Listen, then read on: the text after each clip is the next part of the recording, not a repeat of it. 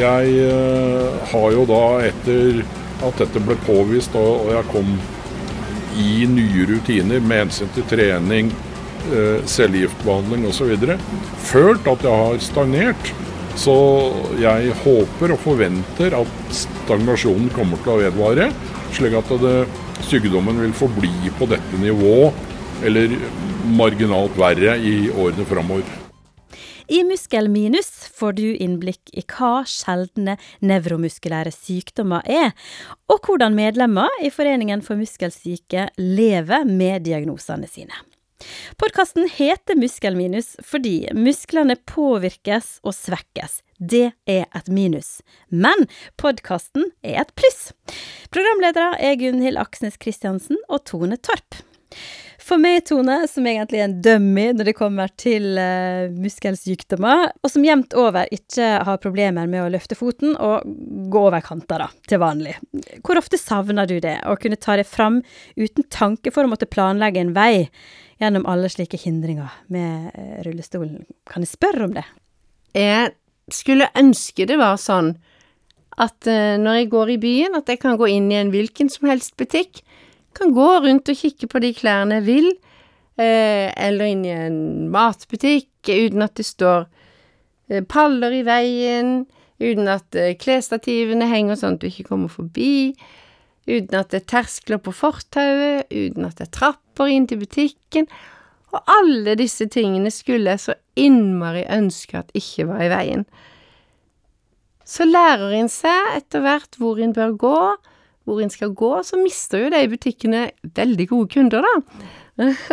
så, eh, og, så, og så blir det sånn Jeg kan ikke gå og irritere meg over det hver bidige dag, for det går jo bare utover meg sjøl. Så jeg må liksom tenke at ok, så kommer jeg ikke inn der. Da får jeg gå på et senter i stedet, for der er det bedre. Men, men klart det er tungvint skulle ønske at uh, alt var, lå til rette for at jeg kunne bevege meg akkurat likt som de som ikke trenger hjelpemidler. Vi skal bli bedre kjent med Ulf i dag. Han satser jo alt på at han skal være i den 20% av de med inklusjonslegeme myositt som ikke vil trenge rullestol. Dette skal vi lære mer om eh, etter hvert. Og Geir han skal hjelpe oss nå først med å forstå muskelsykdomsgruppa som blant andre da Ulf er en del av.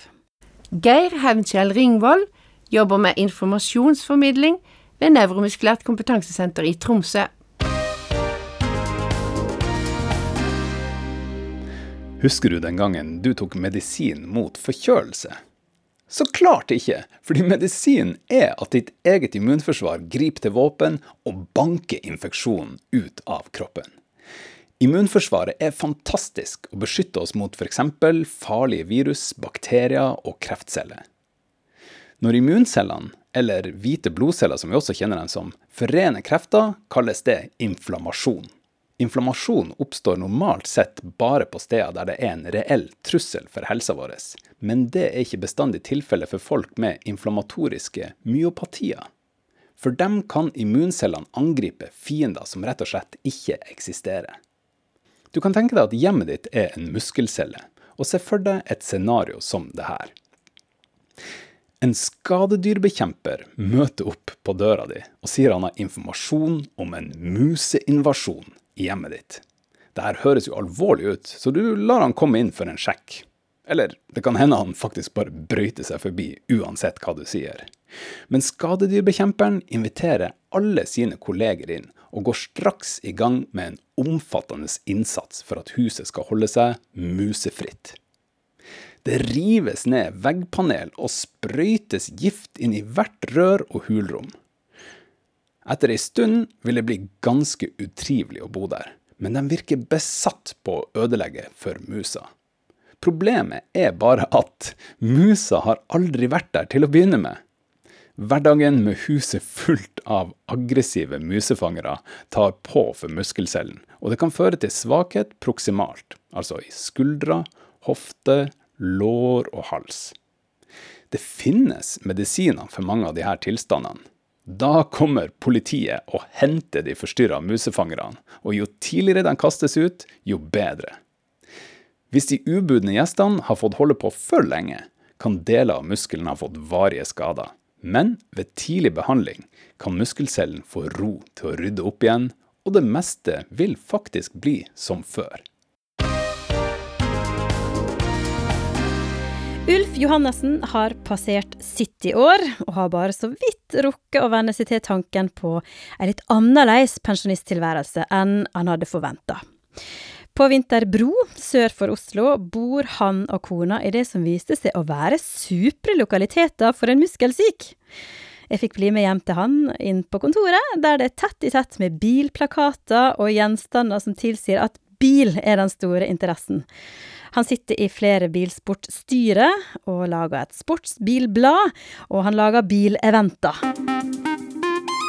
Det, det, jeg setter meg ned, der, for jeg står uh, ikke lenge av gangen lenger. Nei, jeg uh, har jo da aktivisert meg uh, enda mer enn jeg gjorde tidligere når jeg var yrkesaktiv med hensyn til frivillig arbeid. Og det er jo da bil og bilsport som er mitt felt.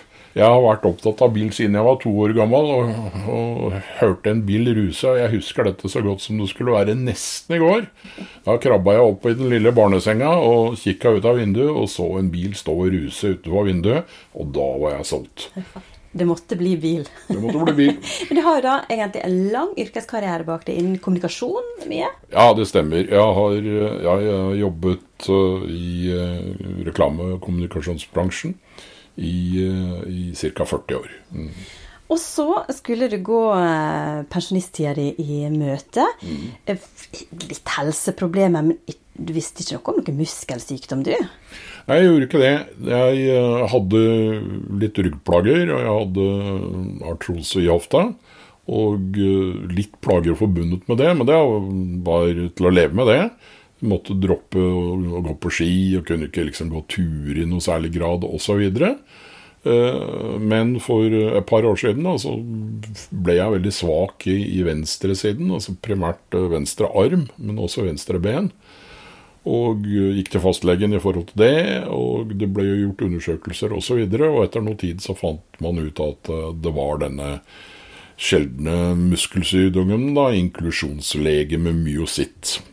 Det tok litt tid før jeg lærte det? Du, Det tok 14 dager før jeg lærte meg navnet. Men Hvor unik er denne sykdommen i norsk sammenheng? Ja, Det de sier på Rikshospitalet, hvor jeg går og blir fulgt opp, så mener de at det er en 30-40 nordmenn som har denne sykdommen. Ja, Har du kontakt med deg? Nei, har ikke det. Nei. Jeg kjenner ingen som uh, har denne sykdommen, og fastlegen min har aldri vært borti det heller. Slik at eh, Det er jo noe av ulempen eh, med det. At det, det, er ikke noen referanser, det er ikke noe miljø. Det er i eh, stor grad mangel på informasjon rundt hva dette innebærer. Jeg spurte jo da denne legen på Ahus om hva framtidsutsiktene var, hva er prognosene med en sånn sykdom? Og hun ble veldig sånn betenkt når jeg spurte om det. Og så satt hun da ved skrivebordet sitt, og så snudde hun dataskjermen mot meg, og der sto det jo noe tekst. Og der kunne jeg lese at 80 eh, av de som får denne sykdommen, eh, havner i rullestol før eller senere, og blir deretter sengeliggende pleiepasienter resten av livet. Og det er jo ikke spesielt uh, positive utsikter. Og i tillegg så vet man ikke hva sykdommen kommer av, og det er heller ikke noe medisin eller behandling som, som hjelper. Så du er jo på en måte bare hengitt til nesten tilfeldighetenes spill i forhold til hvordan denne sykdommen utvikler seg. Ja. Og nå er dette egentlig bare et par år siden. Det er ganske nytt for deg, dette her. Eh, kan du nå eh, vite noe om du er blant disse 80 da, eller blant de 20 som ikke er så uheldige, da, for å bruke de ordene? Ja, jeg har jo valgt å bli blant de 20. kan velge det. ikke sant? Fordi jeg føler at jeg kan ikke sitte her og ta inn over meg en framtid i, i rullestol og som pleiepasient. Uh, før det eventuelt er et faktum. Men jeg har jo ingen faktaopplysninger som, som tilsier dette. Nå bor du på et sted der det egentlig er veldig bra tilrettelagt for eh, å ta seg av sine utfordringer i form av felles bassengområde og treningsområde. Jeg har veldig lyst til å se hvordan det er. Skal vi gå bort? Ja da, det kan vi gjøre. Ulf har det sånn at han går på cellegift for å få bukt med betennelsene som angriper musklene hans. Og Det er vanskelig å vite om det hjelper, men det kan godt hende dette forsinker utviklinga. Vi skal snart tilbake til Vinterbro og sjekke ut de ypperlige forholdene han har der, med treningsrom og basseng i leilighetsfellesskapet. Men først har jeg lyst til å høre med deg, eh, Tone, for du har jo sittet i Foreninga for muskelsyke i mange år, hatt kontakt med mange som har engasjert seg der. Og Ulf, da, han er jo oppe i åra når han fikk denne diagnosen, og han er jo en av de som har hatt stor glede av eh, den eh, kontakten. Hva dere opplever av denne kontakten med medlemmene? For min del så er det sånn at den kontakten som jeg har med andre i Foreningen for muskelsyke, det er virkelig gode trinn oppover i muskeltrappa. Jeg føler at det, det er gjenklang mellom oss. Vi forstår hva det koster å ha svake muskler. Vi forstår hverandre på en annen måte når det gjelder å kanskje ikke ha nok pust til en lang setning. Um, vi kan gjøre ting sammen som gjør at vi det er normalt å være rullestolbruker når vi er sammen i aktive uker, for eksempel. Det er normalt å gå litt rart når vi er sammen. Det er de som Å være hoppende frisk, det er unormalt. Og det er så deilig å være i sånne sammenhenger. De fleste muskelsykdommene, sånn som jeg kjenner det, lever vi jo lange liv med. Og så er det noen muskelsykdommer som er sånn at man dør i ung alder jeg tenker at det at vi får lov til å bety noe for hverandre, er gode steg oppover på muskeltrappa. Både for den som eh, da er på den erfarne sida, eh, som du jo er, og de som kommer nydiagnostisert og vet ikke hvor de skal begynne. Jeg håper, og har opplevd mange ganger, at de nye òg har veldig stor nytte av å høre hvordan vi har hatt det.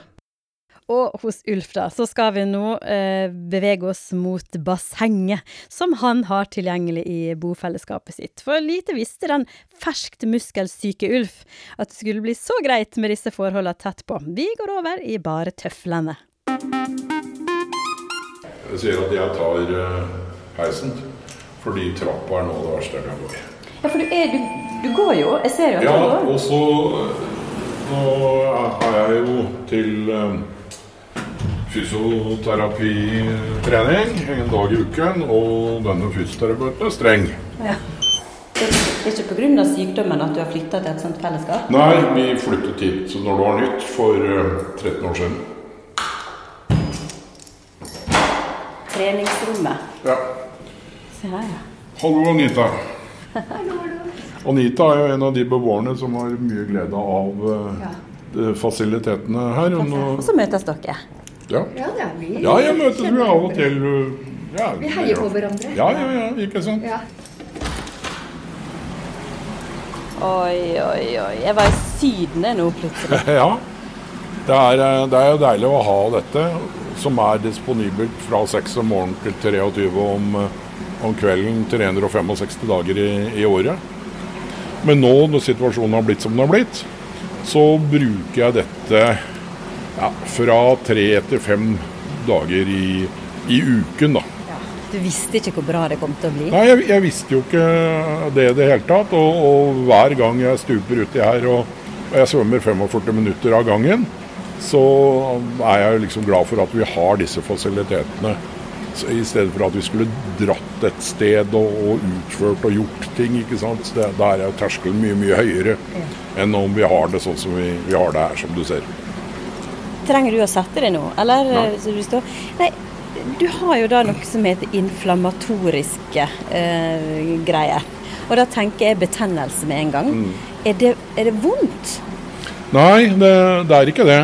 Jeg har eh, ikke noe smerter, men det er en sånn litt nummen, ubehagelig følelse i, i arm og i, i ben osv. Og, så og når jeg går, så er det akkurat som du går med et eh, ben som sover. Slik at det liksom Det er ikke vondt, men det er, det er ubehagelig. Og så er jo, særlig på venstresiden, jeg klarer ikke å bøye hendene mer enn sånn. Slik at å spise med kniv og gaffel og vanskelig mister ting og, og, og sånne små praktiske ting i det daglige. da. Men er du venstrehendt? Nei, jeg er heldigvis ikke det. Så høyre går mye bedre. Ja, det var jo godt, da. For dette er noe av det som kjennetegner din diagnose også, at det legger seg på ene sida. Du har eh, gått gjennom hele ditt eh, liv, egentlig, med ja, litt helseplager, og satt fram til eh, pensjonisttid med det lille du hadde, på en måte. Eh, visste ikke at du skulle få en sånn diagnose som fikk en helt sånn annen framtidsutsikt. Hva har det gjort med dine tanker om pensjonisttida? Nei, jeg har jo blitt litt mer betenkt på hva den tiden kommer til å innebære. For inntil relativt nylig så så jeg jo for meg en veldig aktiv pensjonisttilværelse. Begge foreldrene mine ble jo 90 år og var aktive til det siste. Og jeg har jo fortsatt 20 år igjen i forhold til det. Den første tanken som slo meg, i og med at jeg har vært aktiv i bilsport eh, gjennom hele livet, omtrent, så slo det meg at det ender opp at jeg ikke kan kjøre bil nå, da. Liksom, det er jo, holdt på å si, en skjebne verre. Døden er vel å ta i. Men Men, det vil i hvert fall ta fra meg veldig mye uh, livsglede. Selv om jeg ikke er aktiv eh, bilsportutøver i dag, så har jeg mye glede av å, å kjøre mine to sportsbiler. Og eh, hvis jeg skulle slutte med det og, og, og bli passasjer, så hadde det vært trist. Pluss de praktiske ulempene det selvfølgelig medfører i det daglige. da. har du noen forventa framtidsutsikter, sånn som det er? Ja, som jeg sa i, tidligere, så, så har jeg valgt å være blant de 20% som, som ikke havner i rullestol. Men det er jo hypotetisk. Og øh, jeg øh, har jo da, etter at dette ble påvist og jeg kom i nye rutiner med hensyn til trening, øh, cellegiftbehandling osv., følt at jeg har stagnert. Så jeg håper og forventer at stagnasjonen kommer til å vedvare, slik at det, sykdommen vil forbli på dette nivå, eller marginalt verre, i årene framover. Og da er det til å leve med.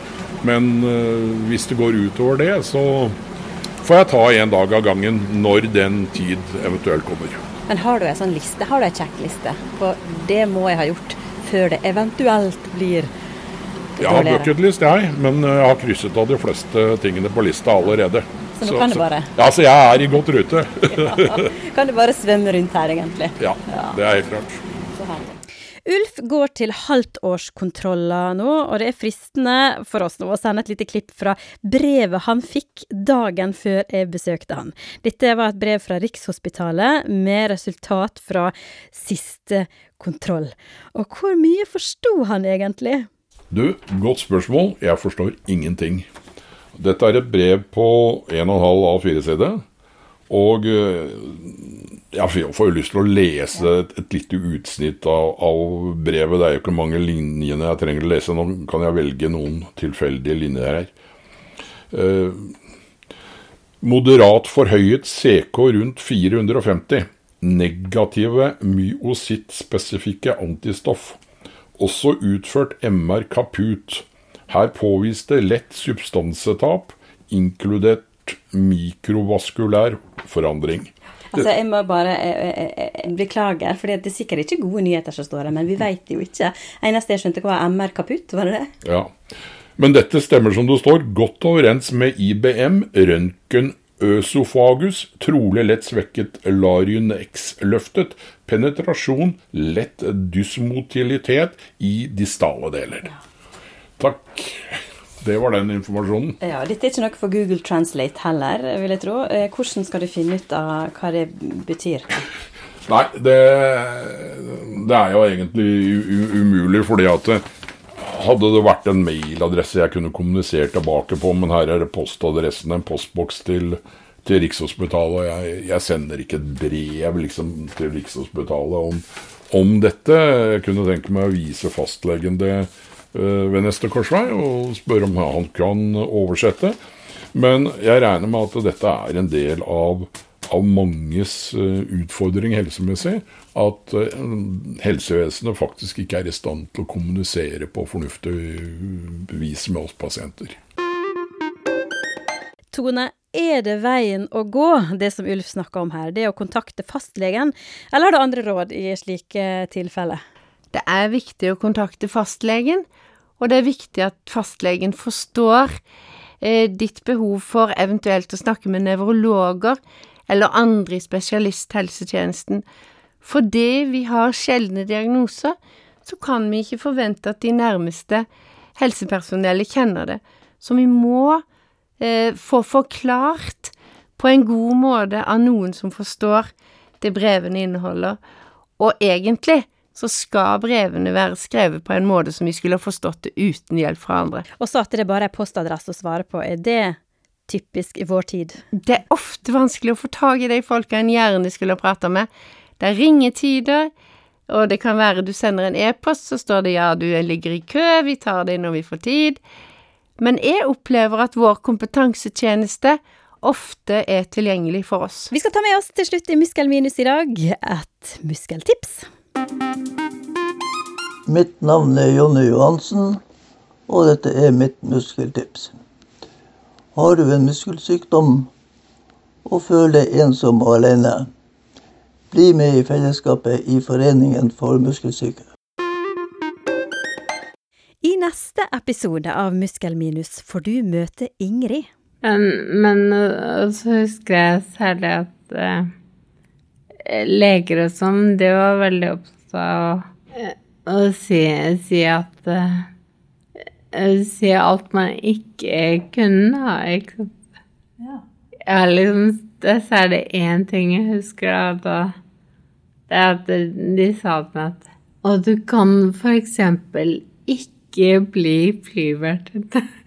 Hvis du liker det du har hørt, så spre gjerne informasjon om episodene der du ferdes på nettet eller i livet ellers. Muskelminus er produsert av Sanden Media for Foreningen for muskelsyke, med støtte fra stiftelsen DAM. Og du finner mer informasjon på ffm.no. Programledere Gunhild Aksnes Kristiansen og Tone Torp, som også er likeperson i foreningen.